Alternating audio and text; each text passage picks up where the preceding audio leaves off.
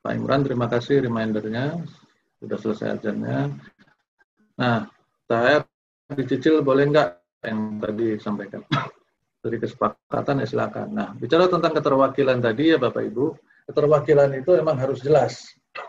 Jadi eh, eh, dalam berbagai kasus eh, yang terjadi, eh, ternyata keterwakilan-keterwakilan yang tidak bisa dibuktikan kewenangan dan kuasanya itu tidak memiliki kekuatan hukum uh, terhadap karyawan lainnya yang tidak ikut di dalam perundingan atau kesepakatan tersebut.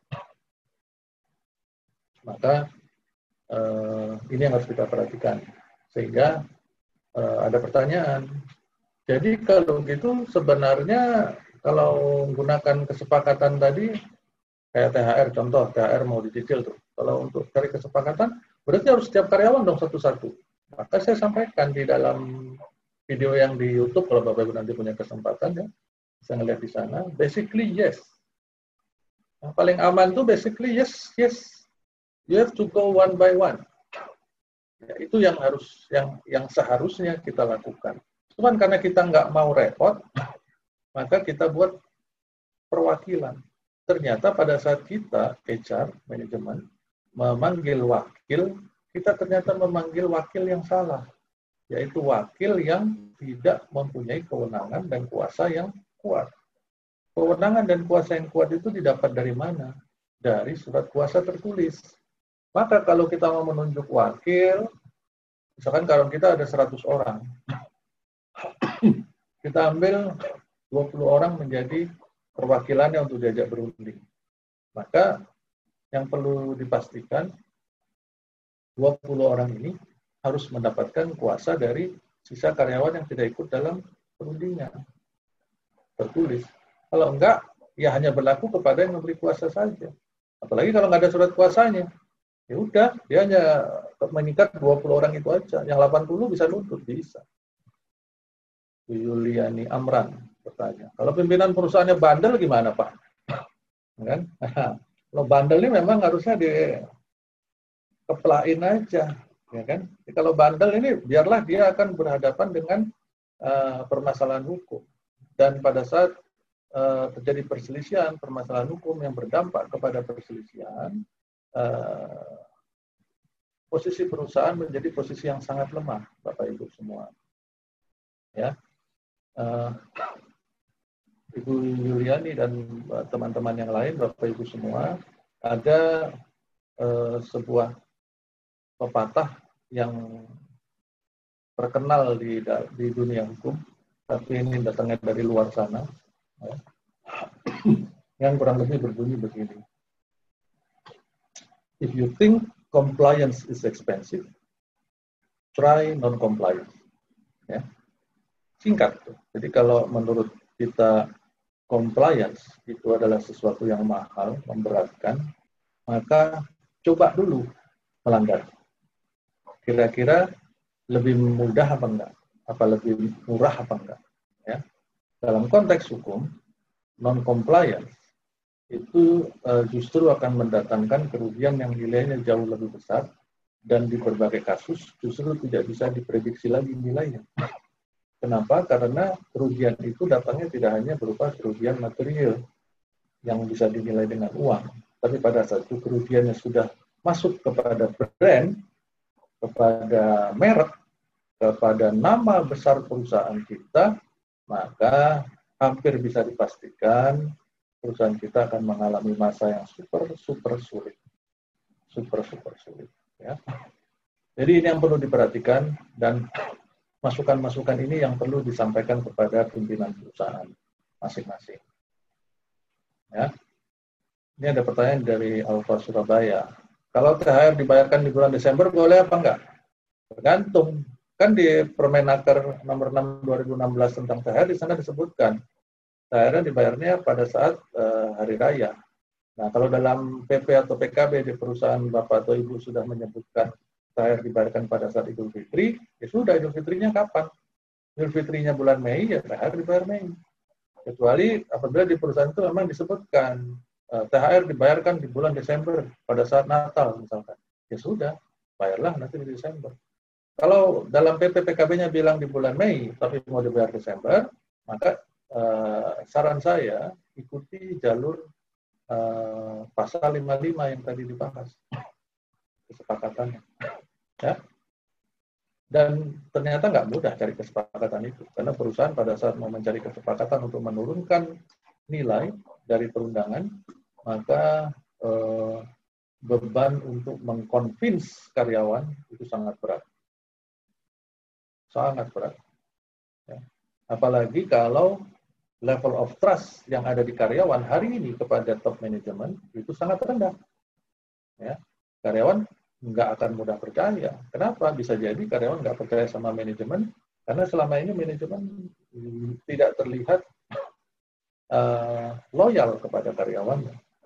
Karyawan ditekan nggak boleh ini, nggak boleh itu, uh, gaji dipepet-pepetin, tapi buat top manajemen, wah foya-foya sebentar, baru ganti Alphardnya. Dari Alphard yang baru menjadi lebih baru lagi. Kan? Terus barusan keliling Eropa dan sebagainya dan sebagainya. Dapat bonus bisa beli empat Alphard sekaligus. Nah, nah yang kayak gitu. Tapi di sisi lain karyawan-karyawan level bawah nggak sejahtera. UMK masih dipotong-potongi, uh, UMK masih di tunjangannya tunjangannya 80 persen, uh, upah pokoknya 20 persen, ya supaya bisa dipotong-potong. Gitu. Nah, kalau kondisi ini yang selama ini dibangun di perusahaan kita, maka bisa dibayangkan bagaimana caranya kita mau mendapatkan kesepakatan. Ya? Karena ini bicara level of trust, level of trust. Begitu. Uh, kalau ini ada pertanyaan berikutnya, karena posisi libur Idul Fitri dan lainnya digeser ke Desember, apakah THR juga boleh digeser? Ya, bisa. THR itu, uh, balik lagi ya, THR itu dibayarkan uh, pada hari raya yang bersangkutan atau pada hari raya yang ditentukan dalam PP atau PKB, biasanya Idul Fitri. Jadi bukan kalimatnya itu di dalam kebenarannya bukan THR dibayar berdasarkan uh, mengikuti libur hari raya keagamaan, bukan. Nggak ada urusannya Pak sama liburnya mau liburnya digeser ke Desember, digeser ke lima tahun lagi, atau nggak jadi libur sekalipun, tetap aja THR habis dibayar kalau Idul Fitrinya, eh, kalau hari rayanya misalkan ditentukan Idul Fitri dan memang saat bulan Mei. Kecuali kalau beberapa karyawan, ada di beberapa perusahaan ya yang THR-nya mengikuti hari raya keagamaan masing-masing karyawan. Jadi untuk yang uh, Muslim dia uh, THR di bulan Mei nanti karena Idul Fitri, uh, yang Natalan ya nanti di bulan Desember THR. -nya. Nah itu silahkan. Ya. Begitu Pak Richard. Baik. Apabila terjadi ini Pak Tony Eli. Sudah terjadi PHK melebihi 30 hari kerja dari hari raya, apakah perusahaan dapat untuk tidak membayar THR? Baik, jadi ketentuan tentang THR ini ya, Bapak Ibu, Pak Tony dan Bapak Ibu sekalian, hal penting yang perlu kita pahami adalah uh, di dalam Permenaker 6 2016 itu mengenai uh, pembayaran THR dihubungkan dengan PHK. Jadi ada dua yang perlu kita perhatikan. Uh, ketentuan yang pertama adalah apabila terjadi PHK sampai dengan 30 hari dari uh, hari uh, raya, maka masih berhak atas THR. Berarti kalau lebih dari 30 hari, dia sudah tidak berhak atas THR. Tapi belum titik, Pak. Di kalimat pertamanya, bukan di akhir ya, malah di pertamanya, ketentuan ini itu berlaku hanya untuk karyawan permanen, PKWTT. Ya, karyawan permanen. Ya. Nah, bagaimana dengan karyawan yang tidak permanen atau kontrak atau PKWT itu ada di poin keduanya. Poin kedua bilang bahwa ketentuan yang di atas ini tidak berlaku bagi karyawan PKWT atau kontrak. Artinya uh, yang 30 hari tadi tidak berlaku.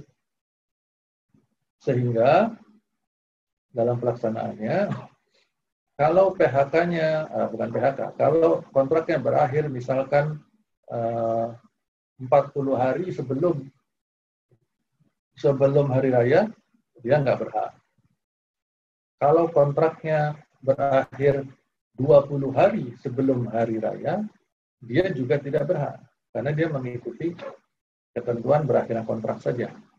Nah, bagaimana kalau kan PH, eh, THR itu bayarnya menurut Kemenaker paling lambat, paling terlambat adalah tujuh hari sebelum hari raya. Kalau kontraknya berakhir pada tujuh hari, pada jatuh tempo pembayaran THR, maka dia berhak. Begitu, ya. Jadi itu hanya berlaku untuk yang uh, permanen. Tapi biasanya di dalam di perusahaan pada umumnya mereka tidak lagi membedakan antara permanen dengan kontrak dalam konteks THR. Ya, uh, hukum dasarnya seperti itu, tapi dalam praktek banyak yang sudah menyamakan karena tidak mau lagi terlalu pusing memikirkan perbedaan antara yang permanen dengan kontrak. Uh, tetap diproyekkan, mereka mendapatkan uh, uh, parameternya adalah 30 hari dan hari jatuh tempo. Bahkan bahkan ini ada beberapa perusahaan yang menerapkan ketentuan di atas perundang-undangan, ya, yaitu mereka memberikan THR pro rata malah. Jadi mau mau PHK apa pun kapan pun dalam setiap tahun dia akan menghitung THR yang kalau belum dibayarkan THR-nya maka ada pro ratanya. Ya, dan itu bagus dan itu di atas ketentuan. Tapi itu tidak wajib. Ya. Itu tidak wajib. Tidak bisa dipaksakan ketentuan itu kecuali memang sudah dimunculkan dalam PP atau PKB. Oke, Pak Philip, betul Pak harus kesepakatan. Masalahnya kalau nggak sepakat terus HRD gimana ya? Harus gimana? Nah, jadi gini, kesepakatan boleh menjadi target, setuju.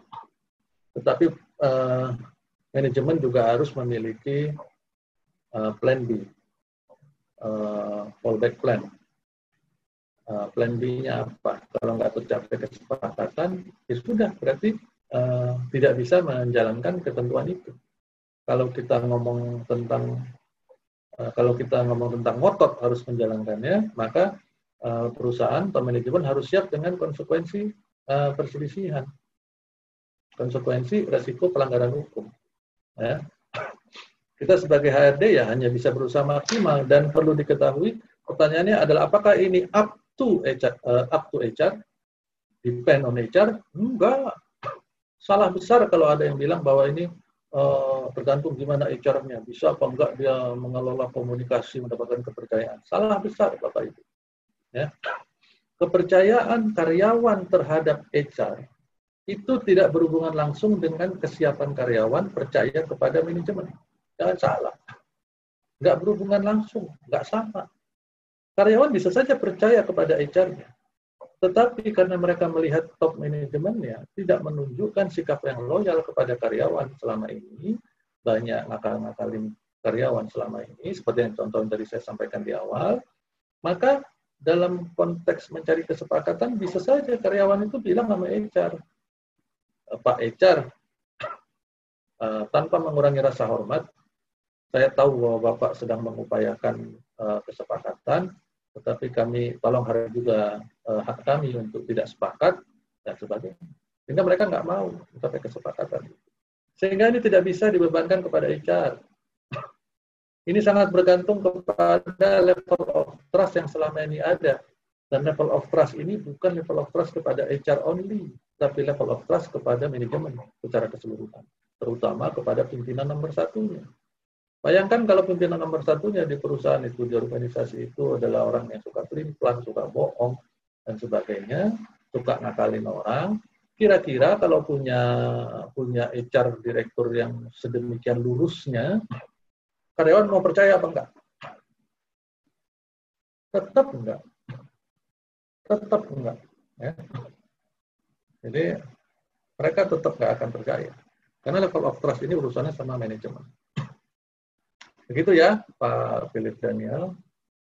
Pak Oyong, bagaimana upah di masa PSBB, di mana pekerja tidak bekerja bukan karena keinginan, karena Ini kan sudah tadi dibahas. Kalau dia work problem atau tentang pengupahannya, ya basically mereka tetap harus dibayar upahnya dan ketentuan tentang dalam surat edaran perlindungan upah juga tadi sudah dibahas ada empat poin ya kalau dia sakit dan sebagainya dan kalau memang karena pembatasan usaha itu membuat mereka eh, perusahaan harus memperhitungkan ulang upah atau mengurangi atau menunda dan sebagainya maka harus berdasarkan kesepakatan. Itu saja jawab